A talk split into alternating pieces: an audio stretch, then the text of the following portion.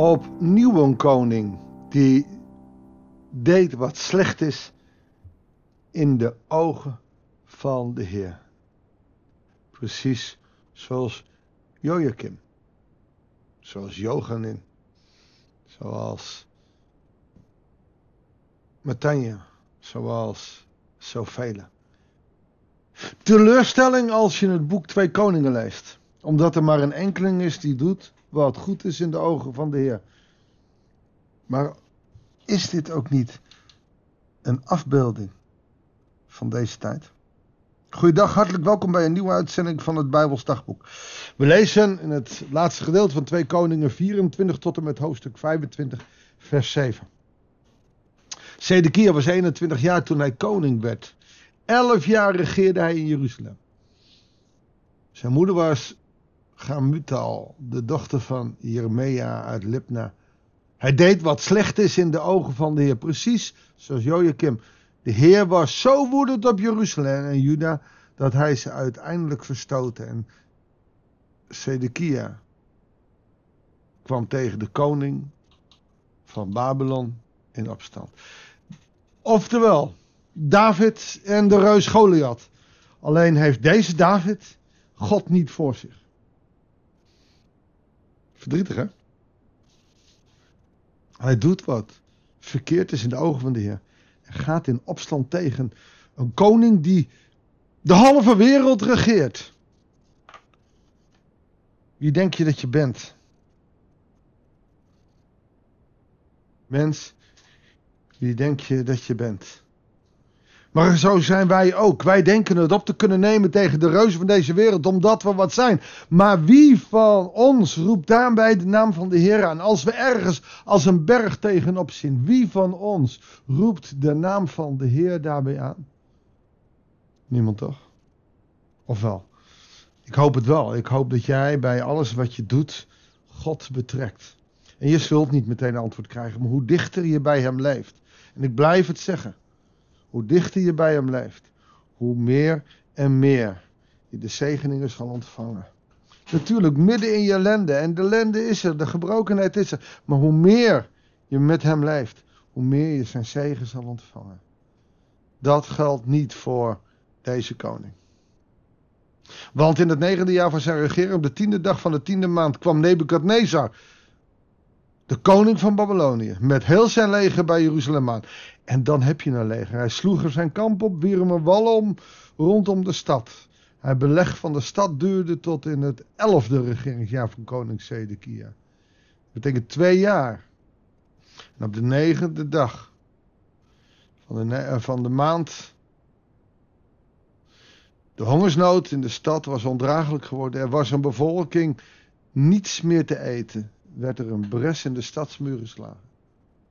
Hoewel de Galdeeën rondom de stad lagen, wisten alle soldaten s'nachts te ontkomen via de poort tussen beide stadsmuren die uitkwamen de tuin van de koning. De koning vlucht in de richting van Jordaanvallei. Alleen dat al, hè? Deze koning die alles doet wat verkeerd is in de ogen van de Heer, die gaat er sneaky met zijn soldaten vandoor. Hij laat dus de bevolking hongerend achter in Jeruzalem. Hij staat niet voor zijn bevolking, omdat hij egocentrisch is. Hij staat niet waarvoor hij zou moeten staan. Dat is verdrietig. Hij doet wat slecht is in de ogen van de Heer. Als je wil doen wat God van je vraagt, dan neem je het op voor zijn volk. Dan neem je het op voor de ander. Dan laat je iemand niet zomaar aan zijn lot over. Dan ben je ervoor. Zedekia niet. Hij gaat er vandoor, maar het Galdese leger zette de achtervolging in, haalde hem in op de vlakte van Jericho. En dan kan je maar beter geborgen zijn. Want God is boos. Denk je dat hij deze Zedekia nog gaat verdedigen? Nee. Zedekia is overgeleverd aan Nebukadnezar. Ze nemen de koning te grazen gevangen. Ze brachten hem naar Ripla aan de koning van Babylonië. En daar werd hij berecht. Eerst werden zijn zonen voor zijn ogen afgeslacht. En toen werden hem de ogen uitgestoken. En daarna werd hij naar Babel gevoerd, geboeid met bronzen ketenen, oftewel Er is geen vluchten meer mogelijk. Maar ik denk dat Zedekia ook niet meer wil vluchten. Als je kinderen voor je ogen zijn vermoord, als je ogen zijn uitgestoken, wat heb je dan nog? En op de zevende dag van de vijfde maand in het negentiende regeringsjaar van koning Nebukadnezar van Babylonië trok diens dienaar Nebuzaran dan de commandant van zijn lijfwacht Jeruzalem binnen. Hij stak de tempel van de Heer in brand. En alle huizen van de welgestelden gingen in vlam op. Het deze leger dat onder zijn bevel stond, haalde de muren van Jeruzalem neer. We zijn al verder dan we moeten zijn. Wat je ziet, is dat God echt in zijn toorn zijn zegen loslaat. En ik kom bij toch wel een standaard tekst aan van Paulus, die hier ook iets over zegt in 2 Timotheus, um, vers 11 tot en met 13. Als jij God verlogent God jou. Hij laat hier het volk los. Hij laat de tempel waar hij vereerd moet worden los. Waarom? Omdat er valse goden zijn. Omdat, omdat het helemaal verkeerd gaat. Wat een ongelooflijk nare situatie. We zullen moeten wennen aan het feit dat God ook dingen loslaat. Te gauw gaan wij zeggen, ach, maar God is genadig. Maar als wij God loslaten, dan zal Hij God ons loslaten. Als wij hem verloochenen, zal hij ons verloochenen. Oh ja, hij blijft ons opzoeken. Dat doet hij ook straks met het volk in Babylonië. Oh ja, hij blijft ons opzoeken, want God is trouw. Hij kan zijn eigen trouwheid niet verloochenen. Maar hij zal ons wel loslaten. Hij kan ons niet zegenen als wij hem vervloeken. Hij kan het wel, maar doet het niet. God heeft ook zijn grenzen. God heeft ook zijn moraal. Het is niet zo dat God die fijne God is die alles maar toelaat. Heus niet. En we zullen het geloof en God ook in deze tijd serieuzer moeten gaan nemen. We kunnen niet zomaar denken dat alles toegestaan is.